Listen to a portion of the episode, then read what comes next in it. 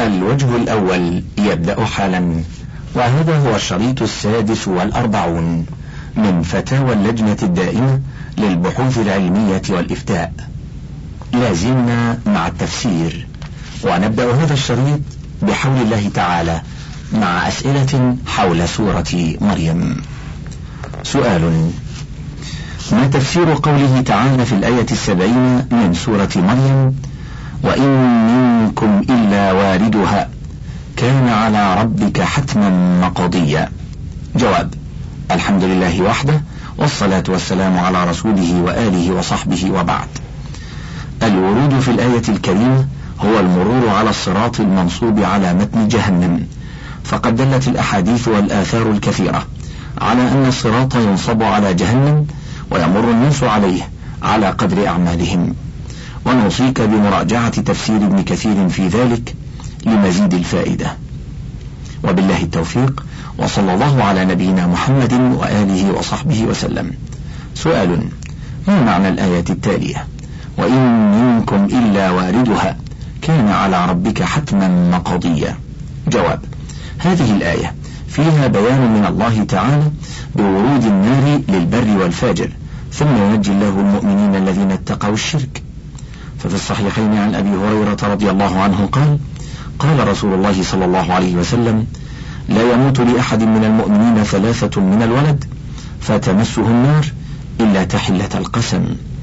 يعني بذلك قوله سبحانه في سورة مريم فوربك لنحشرنهم والشياطين ثم لنحضرنهم حول جهنم جثيا ثم لننزعن شيعة أيهم أشد على الرحمن عتيا.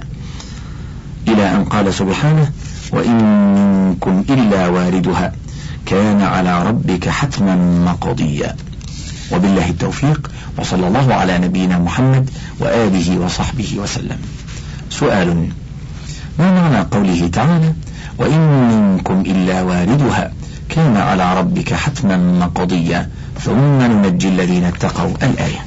جواب الحمد لله وحده والصلاة والسلام على رسوله وآله وصحبه وبعد.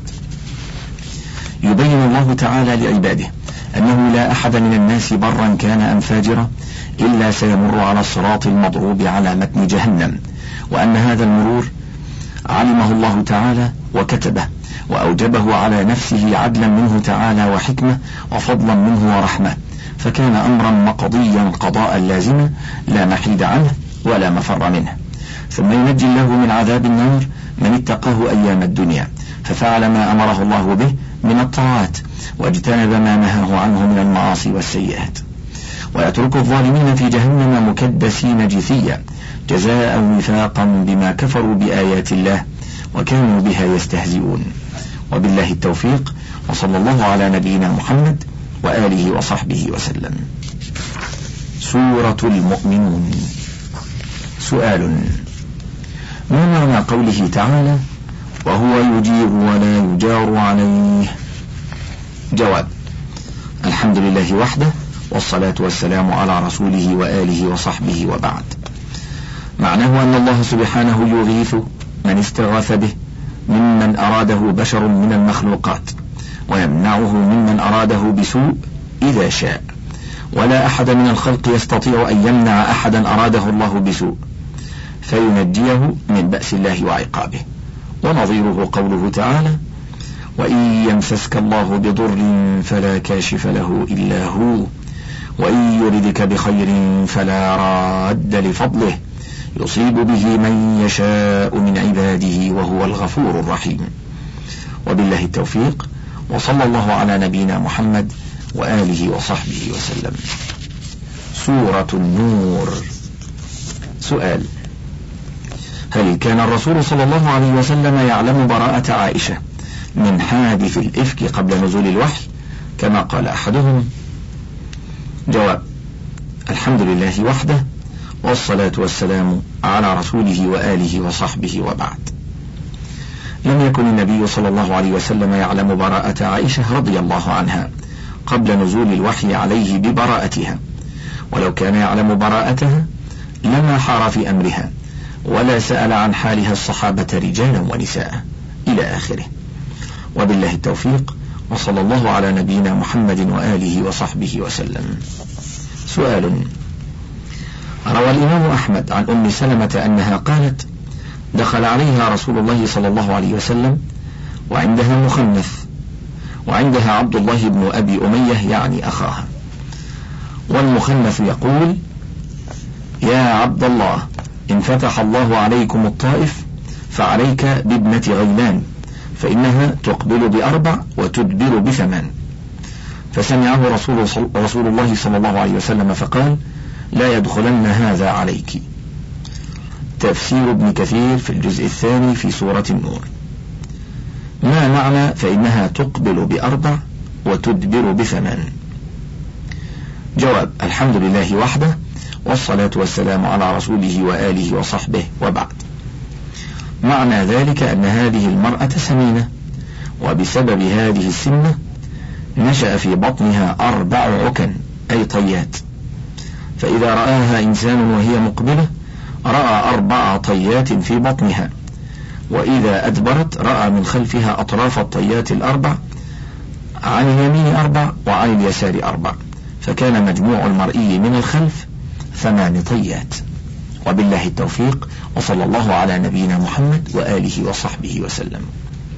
سؤال الحمد لله وحده والصلاة والسلام على رسوله وآله وصحبه وبعد.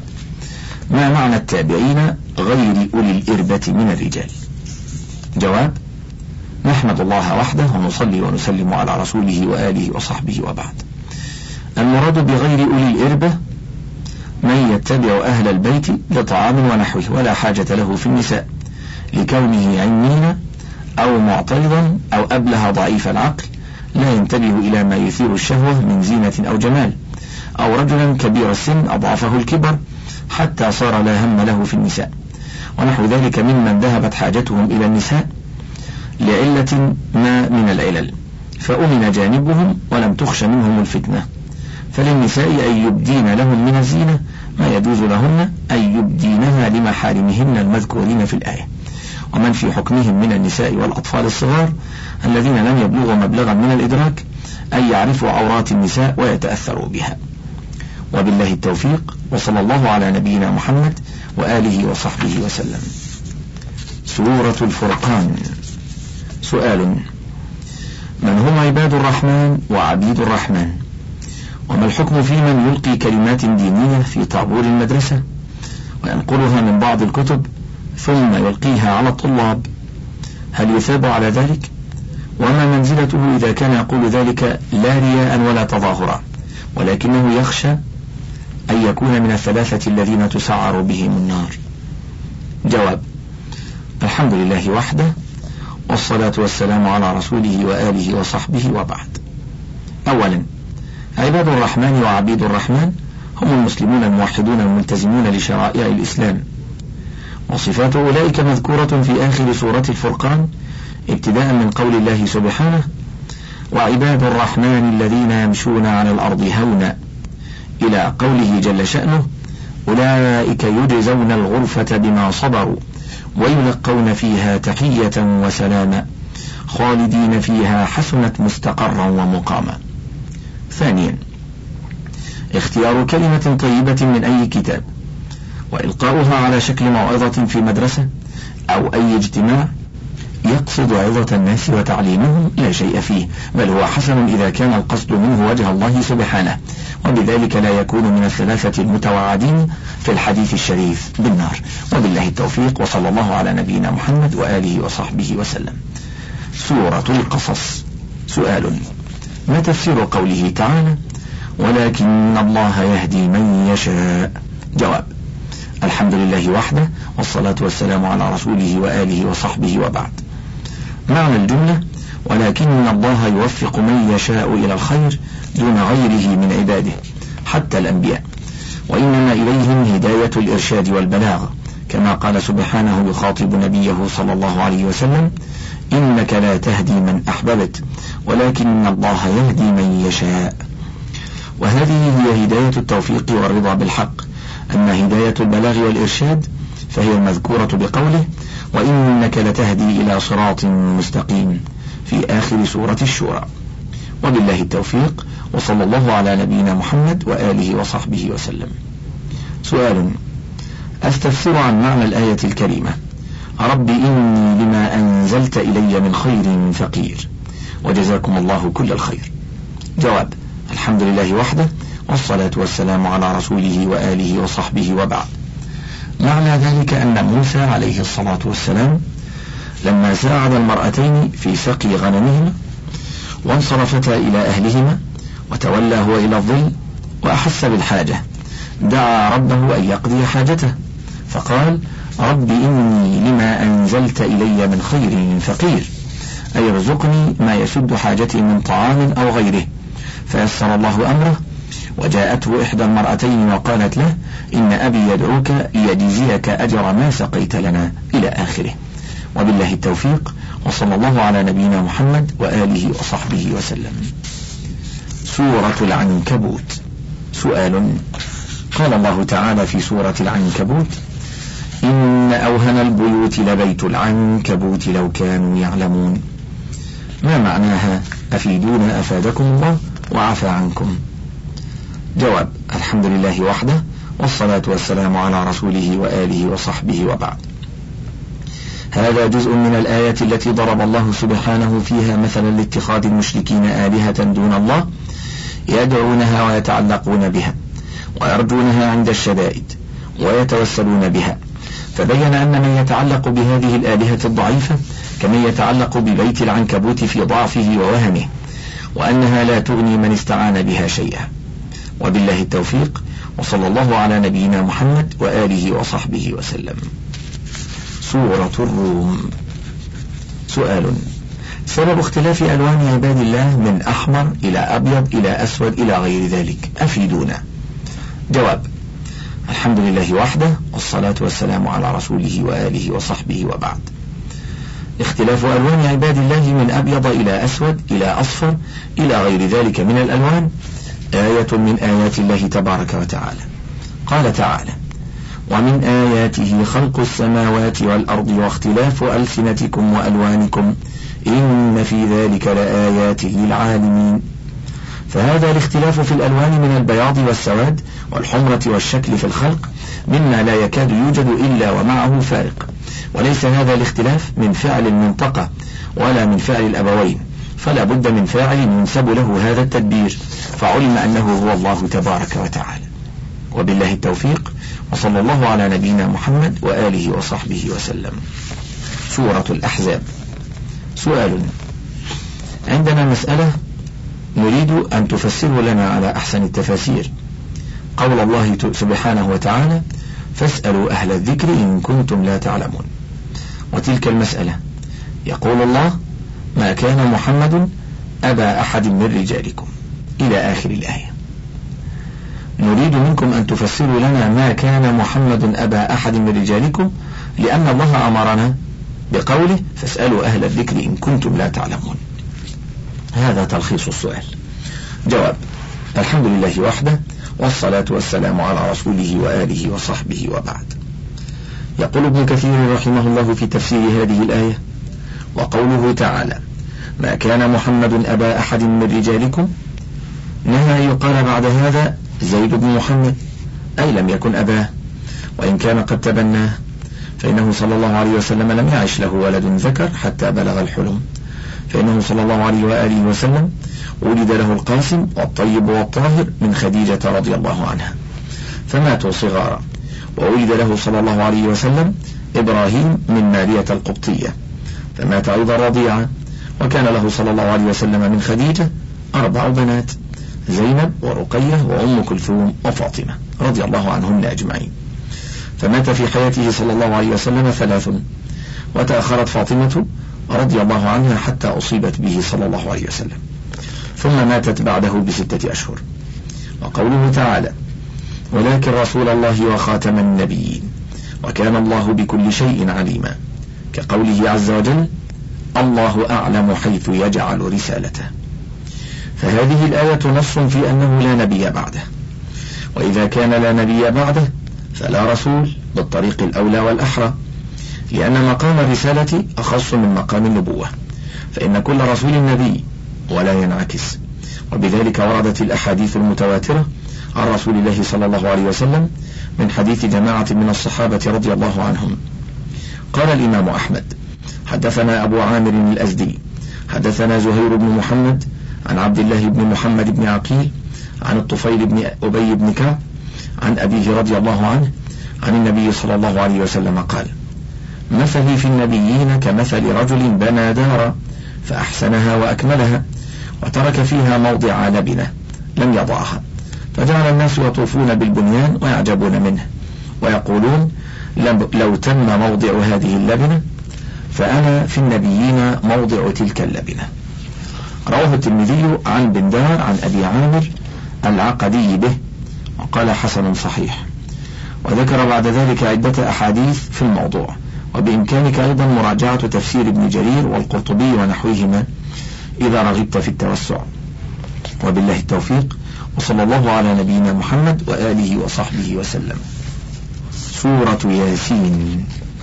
سؤال هل ثبت بالسنة الصحيحة تلاوة هذه السور يومية؟ ياسين الدخان الواقع الملك. جواب الحمد لله وحده والصلاة والسلام على رسوله وآله وصحبه وبعد. إنما لا نعلم في السنة ما يدل على قراءة السور المذكورة في السؤال يوميا. لكن المشروع للمسلم الإكثار من قراءة القرآن جميعه. وبالله التوفيق وصلى الله على نبينا محمد وآله وصحبه وسلم. سؤال قال تعالى لينذر من كان حيا ويحق القول على الكافرين. أرجو تفسير هذه الآية تفسيرا واضحا. جواب الحمد لله وحده والصلاة والسلام على رسوله وآله وصحبه وبعد. قال الله تعالى وما علمناه الشعر وما ينبغي له إن هو إلا ذكر وقرآن مبين. لينذر من كان حيا ويحق القول على الكافرين. ومعنى الآيتين أن الكفار لما اتهموا النبي صلى الله عليه وسلم بأنه شاعر وقالوا إن القرآن شعر أرد الله مقالته بأنه ما علم نبيه الشعر ولا أوحاه إليه وبين سبحانه أنه لا ينبغي له أن يكون شاعرا ولا يليق به ذلك لأنه الصادق الأمين وإمام المهتدين جاء أمته بالحق والهدى والنور أما الشعراء فهم في كل وادي يهيمون وأتباعهم هم الغاوون إلا الذين آمنوا وعملوا الصالحات. فشتان بينه وبين الشعراء في الأخلاق والطباع. ثم بين تعالى أن ما أوحاه إليه ليس شعرا بل لا نسب بينه وبين الشعر في أسلوبه ونظمه ولا في معناه صدقا وهداية وموعظة وذكرى. لمن ألقى إليه سمعه وفتح له قلبه فكان له نورا ورشادا وفوزا وسعادة. قال سبحانه إن هو إلا ذكر وقرآن مبين. لينذر من كان حيا. الآية. الآية. أي لينذر الرسول صلى الله عليه وسلم بالقرآن كل من كان حيا من الإنس والجن ويخوفه عواقب الإعراض عن الإيمان به. ويحق القول أي كلمة العذاب على من كفر بالله وبرسوله. وما جاء في القرآن الكريم. وفي هاتين الآيتين رد على الكفار في اتهامهم النبي صلى الله عليه وسلم بأنه شاعر وزعمهم أن القرآن شعر وبيان لعلو قدره صلى الله عليه وسلم وقدر القرآن وبيان لعموم رسالته صلى الله عليه وسلم للثقلين. وبالله التوفيق وصلى الله على نبينا محمد وآله وصحبه وسلم. سورة الصافات. سؤال. ما الحكمة في أمر الله إبراهيم بذبح ابنه قرة عينه إسماعيل؟ جواب الحمد لله وحده والصلاة والسلام على رسوله وآله وصحبه وبعد. أمره بذبحه ابتلاء وامتحانا له في إخلاصه العبودية والمحبة لربه وليرفعه عنده تعالى درجات إذا وفى وقد وفى عليه الصلاة والسلام. قال تعالى وإذ ابتلى إبراهيم ربه بكلمات فأتمهن. قال إني جاعلك للناس إماما. الآية. وبالله التوفيق. وصلى الله على نبينا محمد وآله وصحبه وسلم. سؤال. اعتنق الإسلام عام أربعة وسبعين وتسعمائة وألف ميلادية. وهو متزوج. ويريد أن يعرف من الذي أمر الله تعالى خليله إبراهيم عليه الصلاة والسلام بذبحه. أهو ولده إسماعيل أم ولده إسحاق عليهما الصلاة والسلام؟ جواب الحمد لله وحده والصلاة والسلام على رسوله وآله وصحبه وبعد.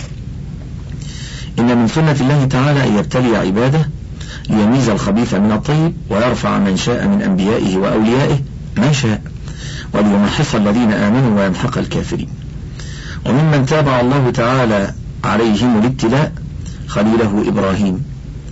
وممن تابع الله تعالى عليهم الابتلاء خليله إبراهيم عليه الصلاة والسلام.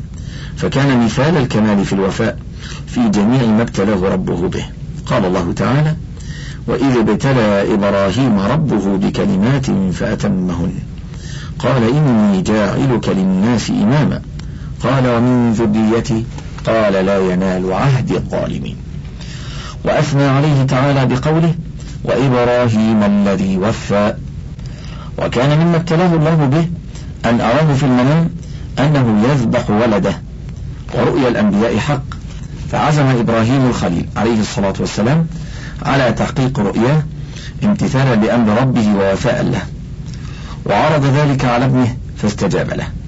فلما أسلموا وجههما لله وبذل إبراهيم ما في وسعه من أسباب الذبح العادية أكرمه الله وولده. وفدى الذبيح بذبح عظيم. وخلد لخليله ثناء عاطرا مدى الدهر. وبشره بإسحاق نبيا من الصالحين. وبارك عليه وعلى إسحاق عليهما السلام.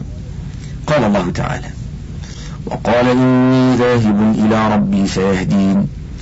رب هب لي من الصالحين. فبشرناه بغلام حليم. فلما بلغ معه السعي قال يا بني إني أرى في المنام أني أذبحك فانظر ماذا ترى. قال يا أبت افعل ما تؤمر ستجدني إن شاء الله من الصابرين. فلما أسلما وتله للجبين وناديناه أن يا إبراهيم قد صدقت الرؤيا إنا كذلك نجزي المحسنين إن هذا لهو البلاء المبين. وفديناه بذبح عظيم. وتركنا عليه في الآخرين. سلام على إبراهيم. كذلك نجزي المحسنين. إنه من عبادنا المؤمنين. وبشرناه بإسحاق نبيا من الصالحين.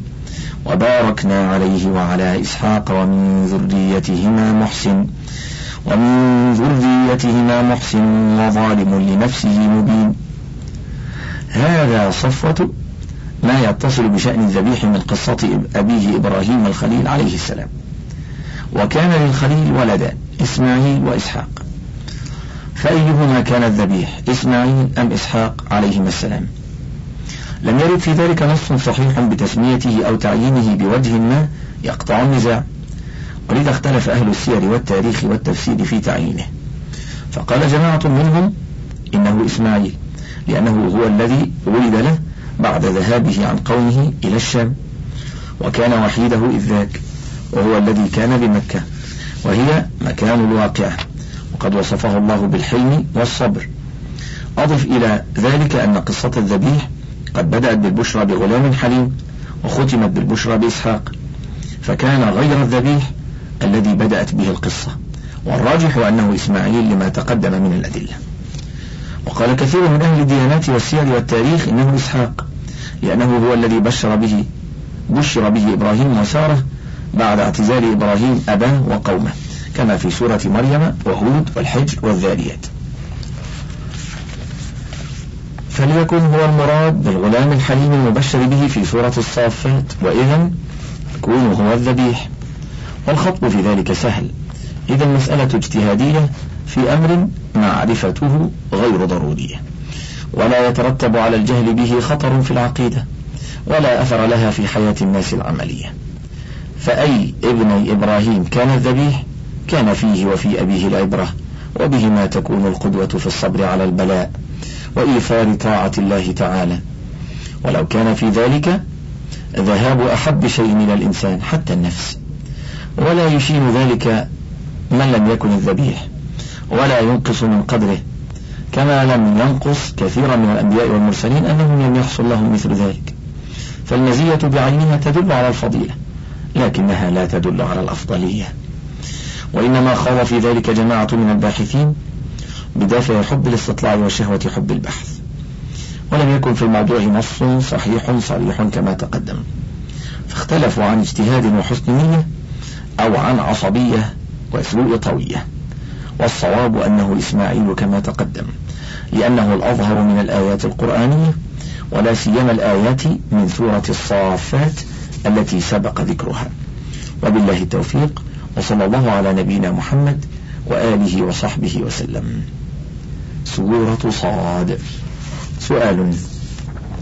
حدثنا خالد بن مخلد حدثنا مغيرة بن عبد الرحمن عن أبي الزناد عن الأعرج عن أبي هريرة عن النبي صلى الله عليه وسلم قال قال سليمان بن داود لأطوفن الليلة على سبعين امرأة تحمل كل امرأة فارسا يجاهد في سبيل الله.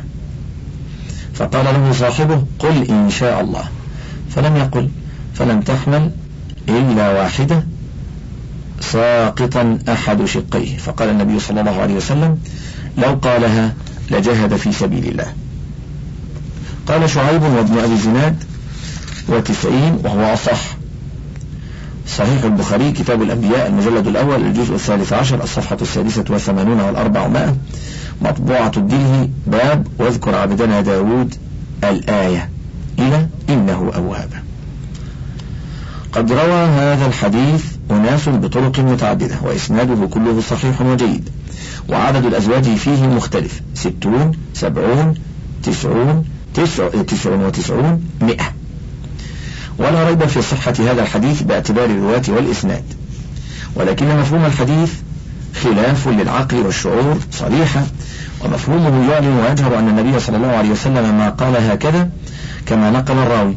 بل ذكر النبي صلى الله عليه وسلم من أباطيل وخرافات اليهود ذلك مثال وفهم الراوي أن النبي صلى الله عليه وسلم قاله بيانا واقعيا لأن كل إنسان إن حاسب في نفسه فوضح عليه أن فرض عدد الأزواج ستون إن باشرهن سليمان عليه السلام في ساعة ست أزواج باشرهن كل الليل بغير توقف متواليا عشر ساعات. فهل هذا ممكن عقلا؟ جواب الحمد لله وحده والصلاة والسلام على رسوله وآله وصحبه وبعد. أولا الحديث المضطرب هو الذي روي من طرق مختلفة متساوية في القوة. ولم يمكنه الجمع بينهما. أما إذا كان بعضها أقوى أو أمكن الجمع فلا اضطراب. وعلى هذا فلا يعتبر الاختلاف في عدد النساء في الحديث المسؤول عنه اضطرابا يرد به الحديث لأمرين. واحد رجحان الرواية التي ذكر فيها أن عددهن تسعون. فقد قال البخاري في صحيحه قال شعيب وأبو الزناد تسعين وهو أصح. اثنان إمكان الجمع بين هذه الروايات. وقد ذهب إلى ذلك ابن حجر رحمه الله في كتابته على هذا الحديث في الباب الذي ذكرته في السؤال. قال رحمه الله فمحصل الروايات ستون وسبعون وتسعون وتسع وتسعون ومئة. والجمع بينها أن الستين كن حرائر وما زاد عليهن كن سرائر وبالعكس. وأما السبعون فللمبالغة وأما التسعون والمئة فكل ما دون المئة وفوق التسعين. فمن قال تسعون ألغى الكسر ومن قال مئة جبرة. ومن ثم وقع التردد في رواية جعفر. انتهى بنصه.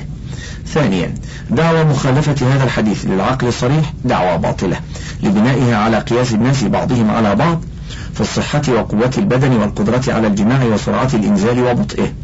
وهو قياس فاسد لشهادة الواقع بتفاوتهن فيما ذكر وفي غيره وخاصة الأنبياء عليهم الصلاة والسلام بالنسبة لغيرهم. فقد أوتوا من قوة البدن والقدرة على الجماع مع كمال العفة وضبط النفس وكبح جماح الشهوة ما لم يؤت غيرهم. فكانت العفة وصيانة الفرج عن قضاء الوطر في الحرم مع القدرة على الجماع وقوة دواعيه معجزة لهم عليهم الصلاة والسلام. وكان من السهل على أحدهم أن يطأ عشر نسوة في ساعة ومئة امرأة في عشر ساعات أو أقل. لتحقق الاختصاص بالقوة وإمكان الإنزال في خمس دقائق أو أقل منها. وقد ذكر ابن حجر رحمه الله تعالى نحو من هذا في شرح هذا الحديث وبيان ما يستنبط منه.